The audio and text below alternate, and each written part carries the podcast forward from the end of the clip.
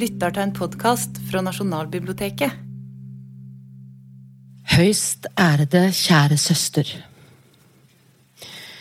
Jeg må herved fortelle, kjære søster, at jeg, Gud være lovet, lydelig vel den 29. juni sistleden, mellom klokken fire og fem om morgenen, ble forløst med en ung, velskapt datter, som i dåpen fikk navnet Anne Elsken.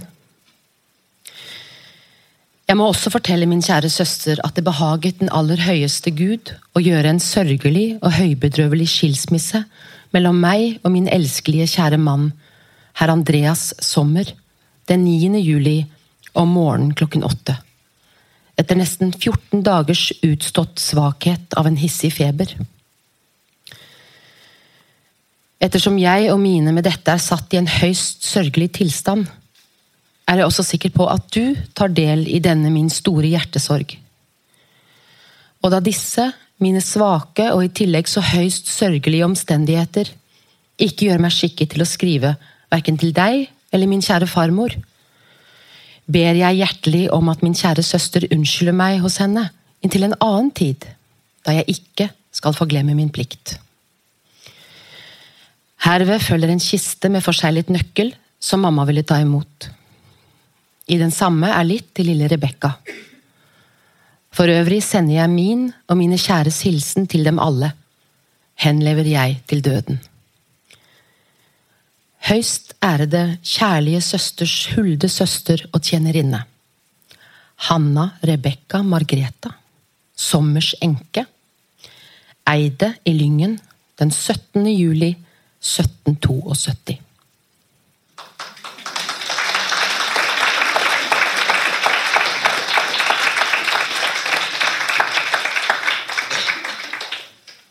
Hei, alle sammen, og velkommen til Nasjonalbiblioteket.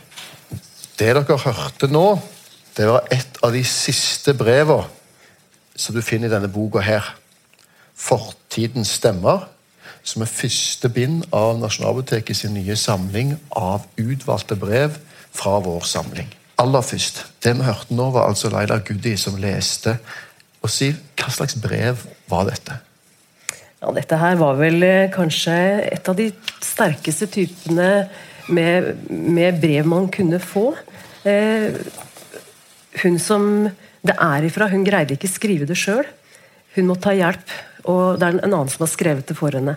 Brevet er en budbringer. Eh, altså Nyheten hadde kanskje løpt helt fra Salten og ned til Sandnessjøen, der hvor dette brevet ble sendt til.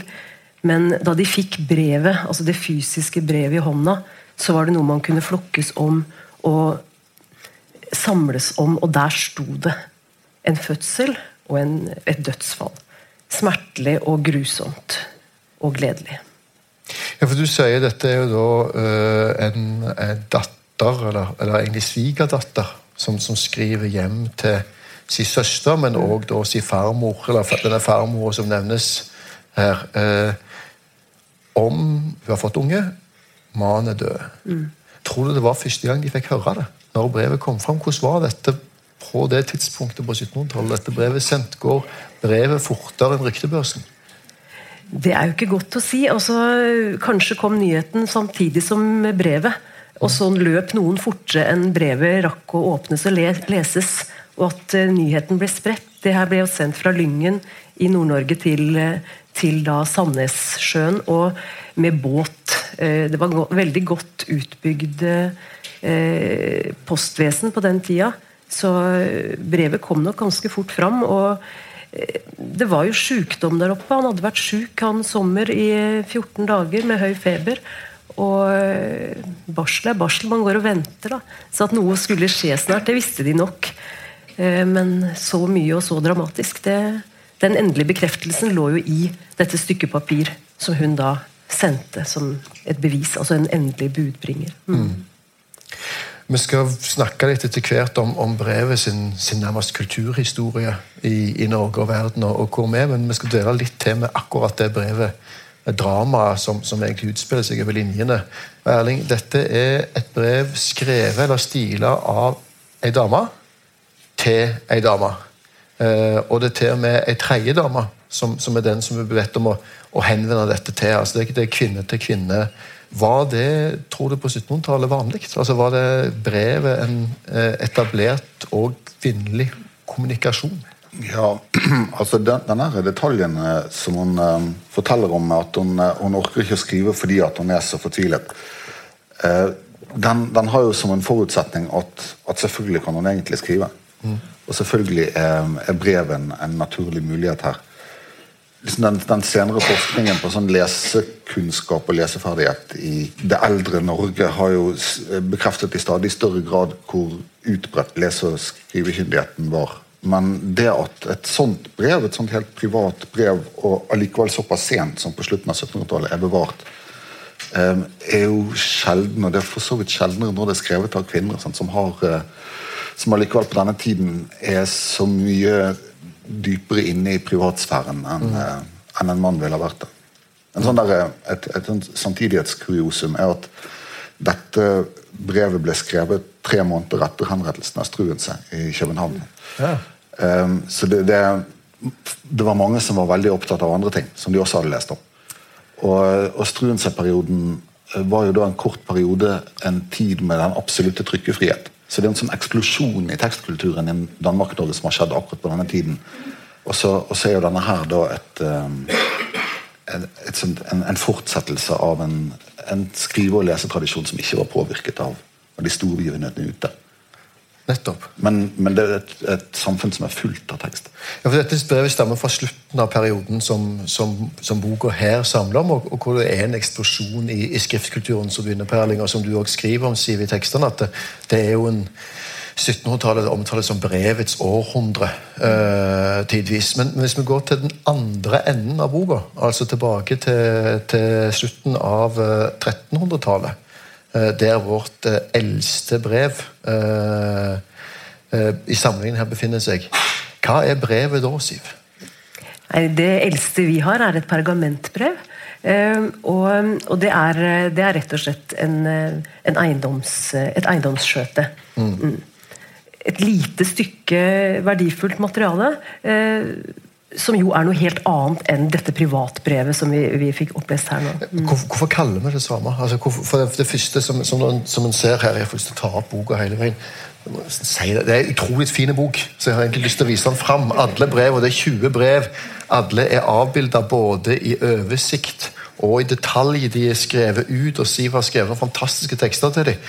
Eh, som introduserer og forteller hvor de er og hva de skriver og det første som møter oss her, det er jo som du sier, det er jo, det er jo et slags skjøte, egentlig. Mm. Men hvorfor kaller vi det brev? Hva er Nei, vi valgte jo, Her skulle vi jo vise fram de eldste brevene fra Nasjonalbiblioteket. og eh, en av de eh, veldig fascinerende tingene med prosjektet er jo det at vi kan da samtidig også se litt på hva er egentlig et brev.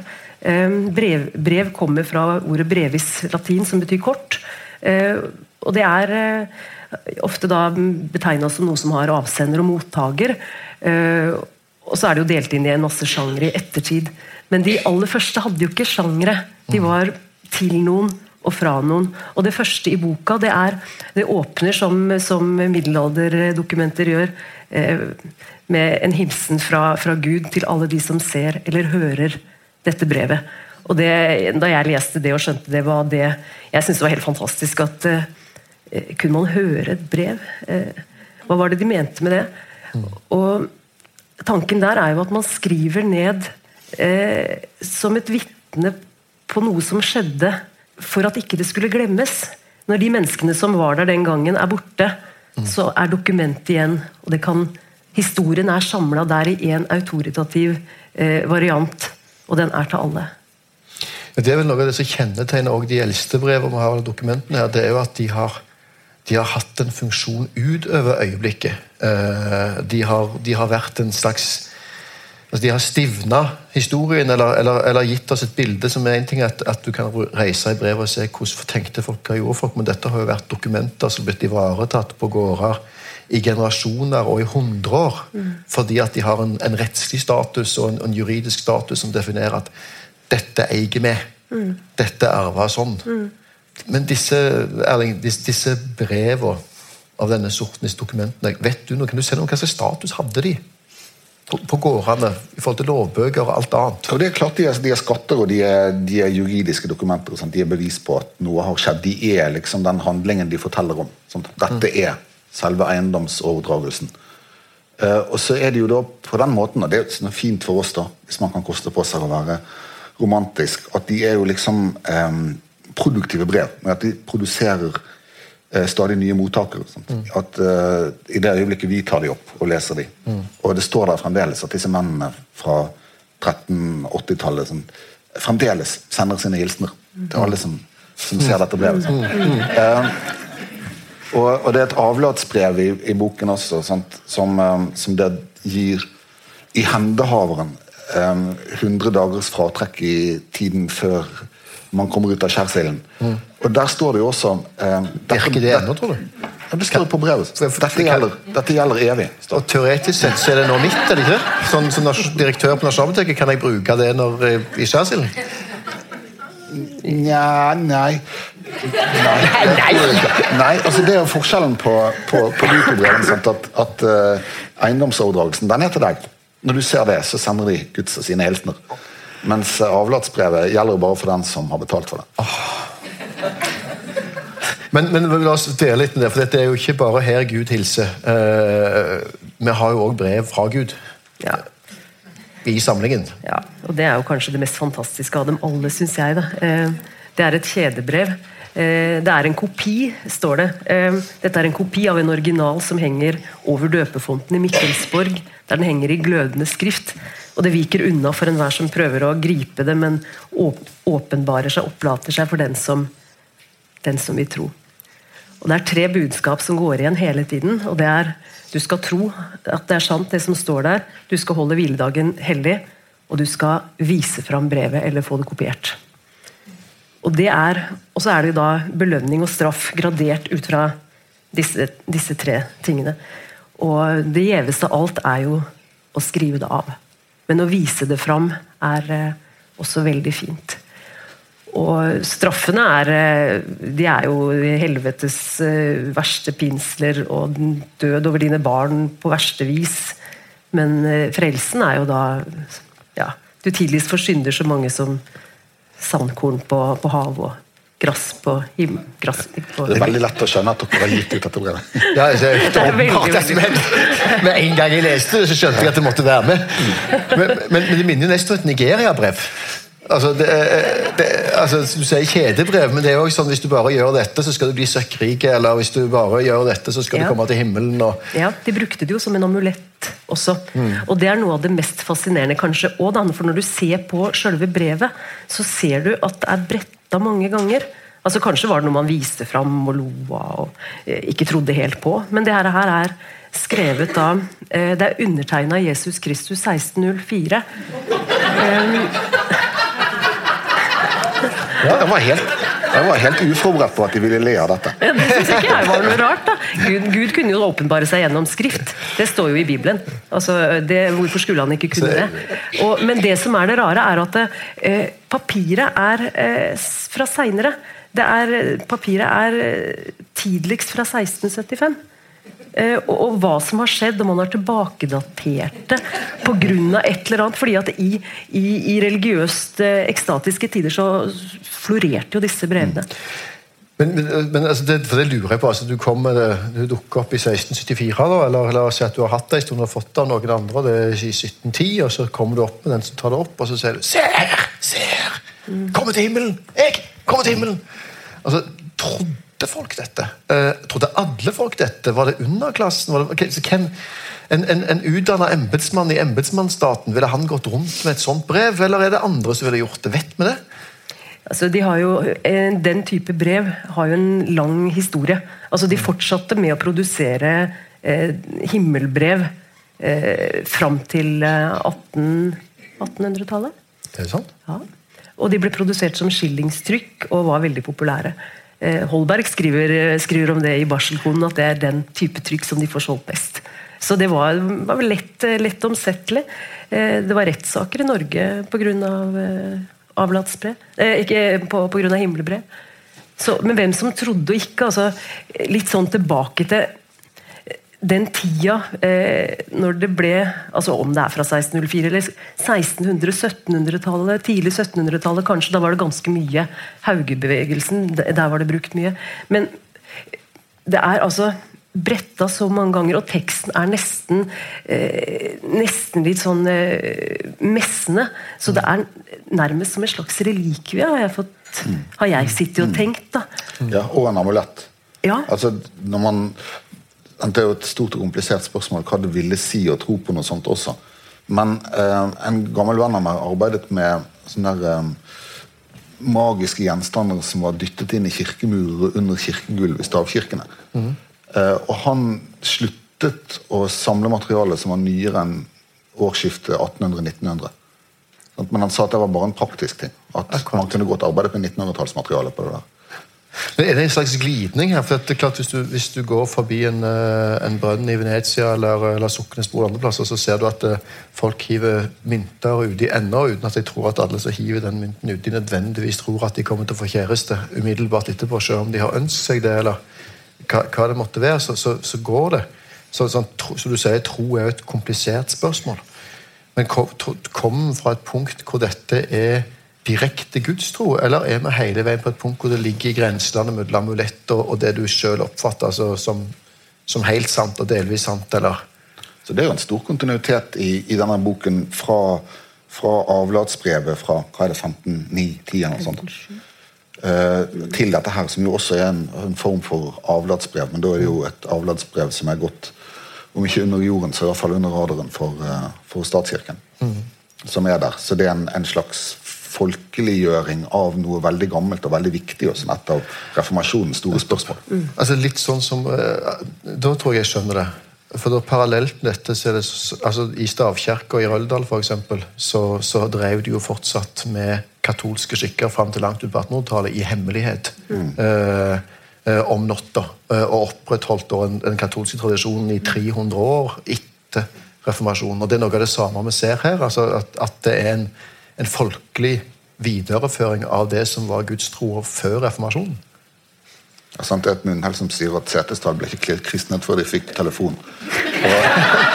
Altså, det Og er, at, altså, men det er gammelt, sant? og det er et eller annet sånn nydelig med dette at det viser til at det opprinnelige brevet, enten det var skrevet i 1604 eller ikke, hang i luften i Mikkelborg, som da er, er Konstantinopel. Sant? Og Miklager. Og hvis du prøvde å ta det, så fløy det vekk.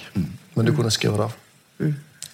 Men vi har flere brev. Vi skal lese mer, så vi, vi er nødt til å gå et skritt videre. Da vil jeg gjerne at Henrik Mestad skal komme opp og lese for oss. Eh, Og han skal lese eh, det blodigste brevet vi har i utvalget her.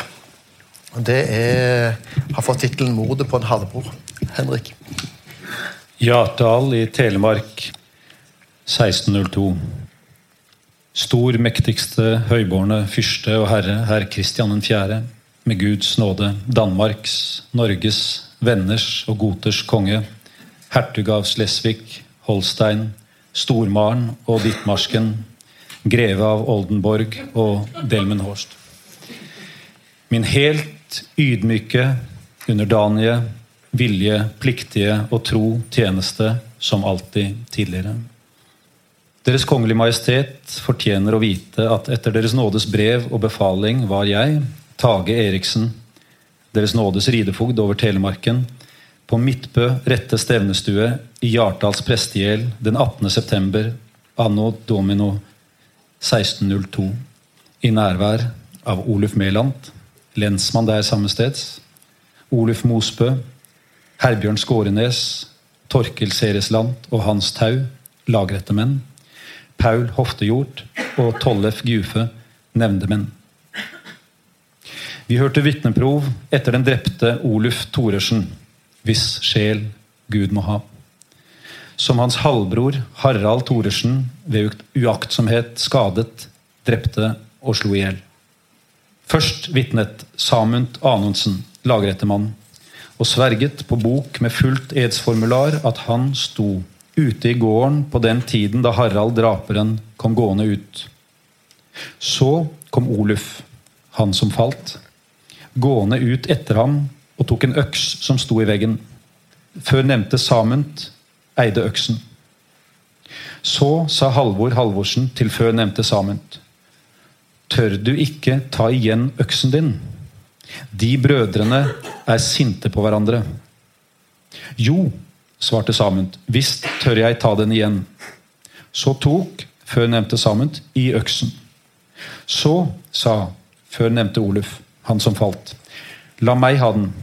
Du har vært meg så djevelsk ond, Harald, sa han.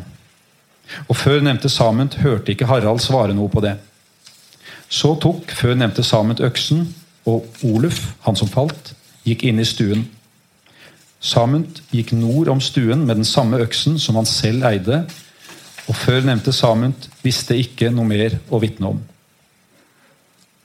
Den før nevnte Halvor Halvorsen vitnet også på samme måte på bok med full ed at han så at før nevnte Harald Draperen gikk ut av stuen, og før nevnte Oluf, han som falt, ble sittende igjen inne i stuen på krakken. Så så den før nevnte Halvor at før nevnte Oluf, han som falt, han var sint. Og før nevnte Halvor visste ikke hvem han var sint på. Så gikk før nevnte Halvor ut med det samme. Så kom før nevnte Oluf, han som falt, gående ut etter ham. Så tok før nevnte Oluf før nevnte Samunds øks, som sto i veggen, slik før nevnte Samund vitner, og løp til Harald draperen med den og sa til ham Du har vært så etter meg, Harald, sa han. Måtte fanden være etter deg. Så tok før nevnte Harald draperen i øksen med ham og svarte slik på det. Har jeg gjort det, min bror, da har jeg ikke gjort vel, sa han. Så talte førnevnte Halvor til førnevnte Samund og sa, Tør du ikke ta igjen øksen din? De er sinte, brødrene. Jo, svarte Samund, visst tør jeg ta igjen øksen min. Så tok før nevnte Samund sin egen øks og gikk nord om stuen med den, og før nevnte Oluf, han som falt, gikk etter ham inn til stuedøren, og gikk så inn i stuen, og før nevnte Halvor og Harald Draperen ble stående nedenfor stuen. Så sa før nevnte Harald Draperen til Halvor. Jeg tenker her blir godt med Guds hjelp. Så kom før nevnte Oluf, han som falt, med sin egen øks i hånden og sa til Harald Draperen. Nå skal du få djevler. Og hogg så straks med det samme til ham. Så holdt før nevnte Harald Draperen armen imot. Og før nevnte Oluf, han som falt, hogg ham i armen med det samme. Så gikk før nevnte Harald Draperen hen og fikk kniven ut, stakk ham så med det samme i skuldrene mellom skulderbladene, og av det fikk han sitt banesår og døde så straks deretter. Og intet mer visste før nevnte Halvor å vitne om det. Denne skade skjedde på før nevnte Midtbø den 1. juli sist forleden ved sekstiden utenfor Gridsted. Og disse før nevnte vitneprovene ble lovlig opptatt i før nevnte Haralds rette kongsdag i den dødes arvingers slekt og venners nærvær, tilstevnet etter loven. Han kunngjorde drapet med det samme skaden var skjedd på nærmeste gård for Torger Gutehus og Tord Aabe, og sa Gud nåde meg. Jeg ber dere for Guds skyld at dere tillater meg det at jeg bekjenner for dere at jeg er ille og uforskyldt kommet til skade for å ha tatt livet av Oluf, min bror. Aller nådigste Herre, ytterligere bevis kunne jeg ikke få om denne saken. Og han har gitt meg visshet og løfte for tegn og fredkjøp på Deres nådes vegne og for bøtene til den dødes arvinger. Det står nå til Gud og Deres nåde at så skjer. Jeg vil hermed ha Deres nåde overgitt til Gud, den allmektigste, nå og alltid, både til liv og sjel. Han styrke og bevare Deres kongelige majestet med et sunt liv og langvarig styre, etc. Til vitnesbyrd under mitt signet Tarald Eriksen. Harald Thoresen er tildømt å bøte til Kongelig Majestet for sin urett ett fullt tegn og ett fullt fredkjøp og bøter til den dødes arvinger etter domsavsigelsen Aktum Oslo rådstue tre virkedager etter vinternatten anno 1602.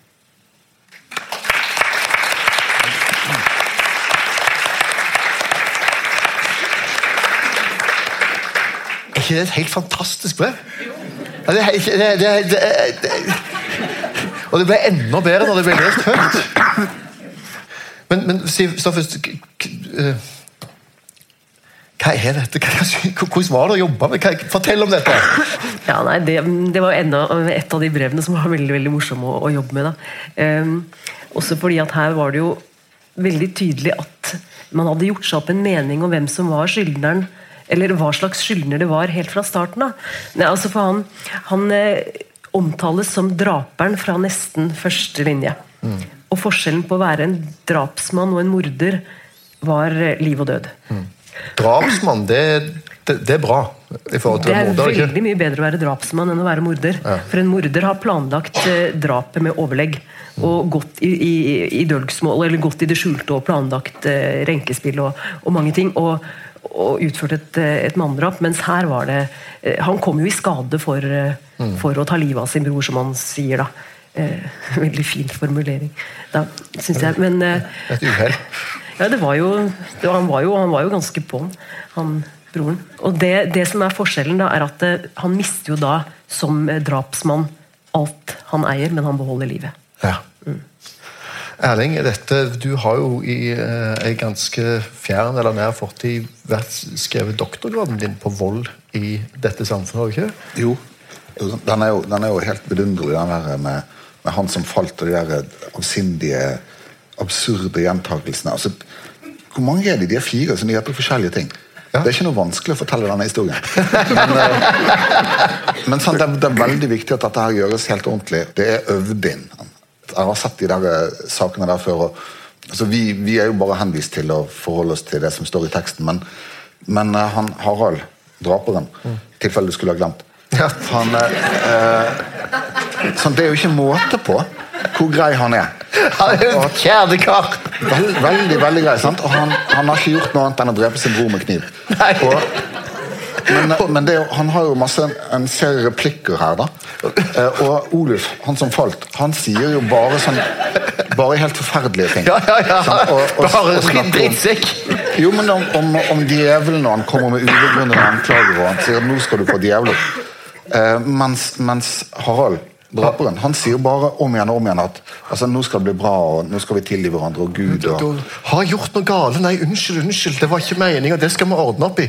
Nei, det skal vi ikke. Jeg dreper deg, sier Oluf. Ja, sant? Men at, at replikkene de imellom, sant? der den ene snakker om djevelen og den andre snakker om Gud, Ja. veldig tydelig, veldig teatralt, veldig innøvd, regissert. Scene som er så tungt organisert at, at det gjør den vanskeligere å tro. Ja, Antyder du at du betviler at dette er en riktig dom? Nei, sant? Men, men den stadfestelsen av at han har gjort alt riktig. Ja. Nei, jeg, jeg, det er to, mange ting som står med. Det ene er nettopp det som du på. Altså, kan, vi, kan vi stole på dette?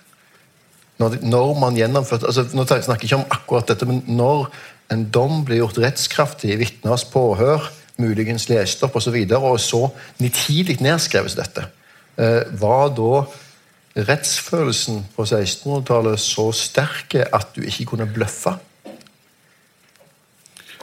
Ja, det er jo ikke godt å si nei, og, og det fantes nok folk som snakket usant også på begynnelsen av 1600-tallet, men, men det er klart at, at um, jo, men sant, eh, Risikoen ved å gjøre det er en ganske annen enn i dag.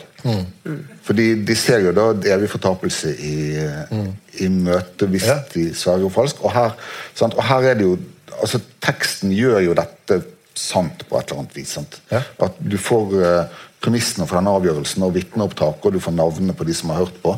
Eh, det er en sannhet som blir produsert i dette, og så får, du, så får man utfallet til slutt. Og så gjør teksten det den sier det at den skal gjøre. Så er det sant.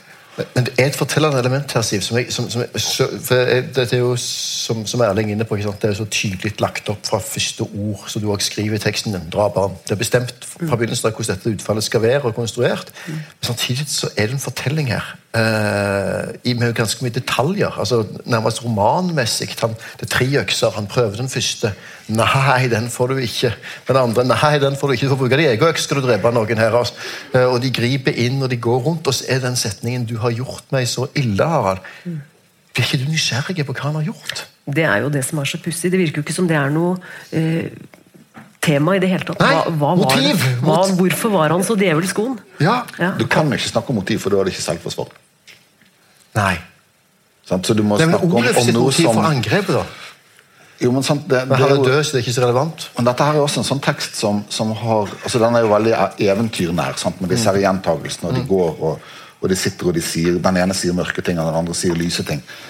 Um, så sjangeren, eller i hvert fall da fortellerstrukturen med alle gjentakelsene, har jo som funksjon å vise at dette var noe som måtte skje.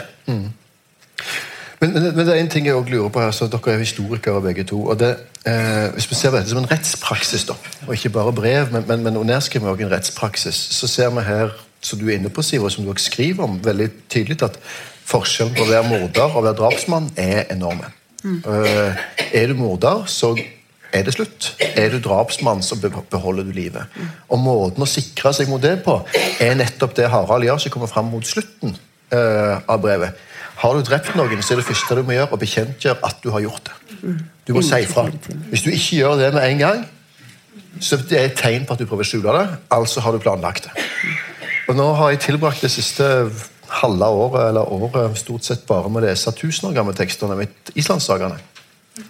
Og det er jo rettspraksisen der. Altså, den, altså, den, den rettspraksisen er jo det grunnleggende for hele sagaen.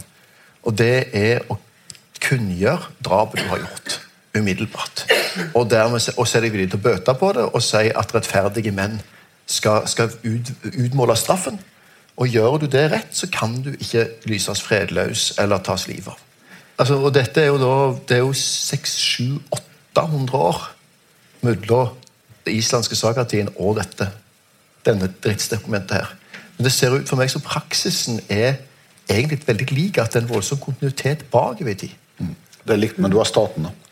Ja. Staten som har kommet inn. Så her er det jo staten som opererer med sanksjonen. Sant? Og at hvis han da hadde gjort ting feil, så ville staten stilt seg som, som garantist for at, at uh, hevn ville skje. Sant? Du er ikke i et, feidesamfunn. feidesamfunn. Ja. Men du er i et, uh, dette er jo noe som skjer innenfor et statlig autorisert domstolshierarki. Så det er jo en annen uh, Det er andre makthavere som, som står rundt og ser på dette opptrenet her. Men, uh, men i det ytre så ser det jo ganske likt ut. Men, men hva tid hvordan går da overgangen? Vet dere, vet du, du nevner blodhevn her på tidspunkt, for at Blodhevn blir jo, så vidt jeg vet, forbudt med lov i Lagabøtes landslov, eller rundt den tid.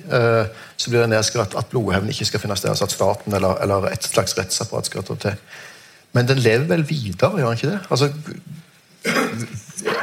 ville man i praksis fortsatt da tatt livet av et, eh, hverandre uten statens sanksjon og inn mot 14-15-1600-tallet, eller er det forbi?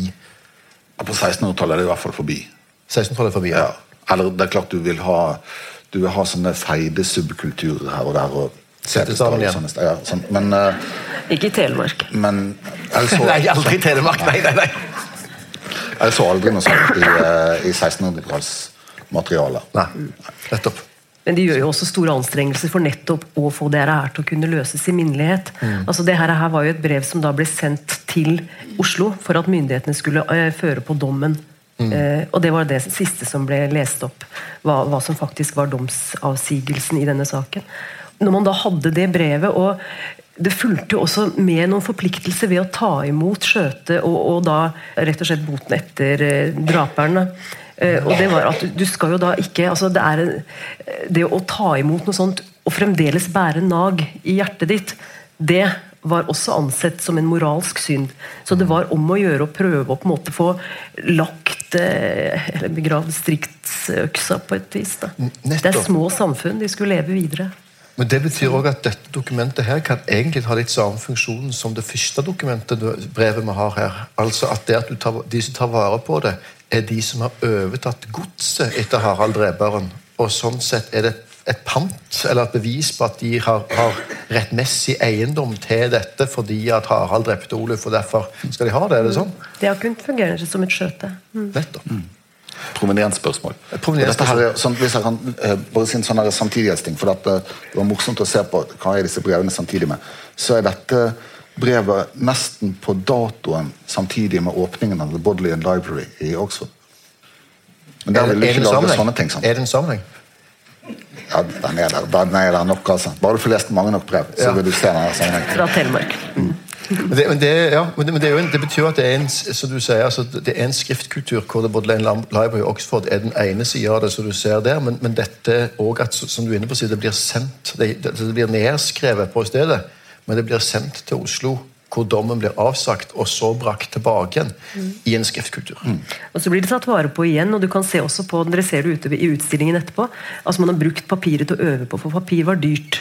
Og man ser forskjellige håndskrifter har, har øvd seg på, på formuleringer. Så det hadde jo også en funksjon at det var et stykke skrift man kunne lese. Som man kunne lære seg å lese fra. Så det er sånn en helt utrolig fin eh, stor kontinuitet med at på den ene siden så sitter du der og eller løper rundt huset nord for huset og gjør ting som ligner veldig på det man gjorde på Island 700 år før. Eh, samtidig som man sitter bare like på den andre siden av Nordsjøen og holder på med ting som vi gjør fremdeles. Så det er liksom eh, Det er minst 1200 år i det øyeblikket øyeblikket I det øyeblikket der, ja. Vi må gå videre. Vi har um, flere brev.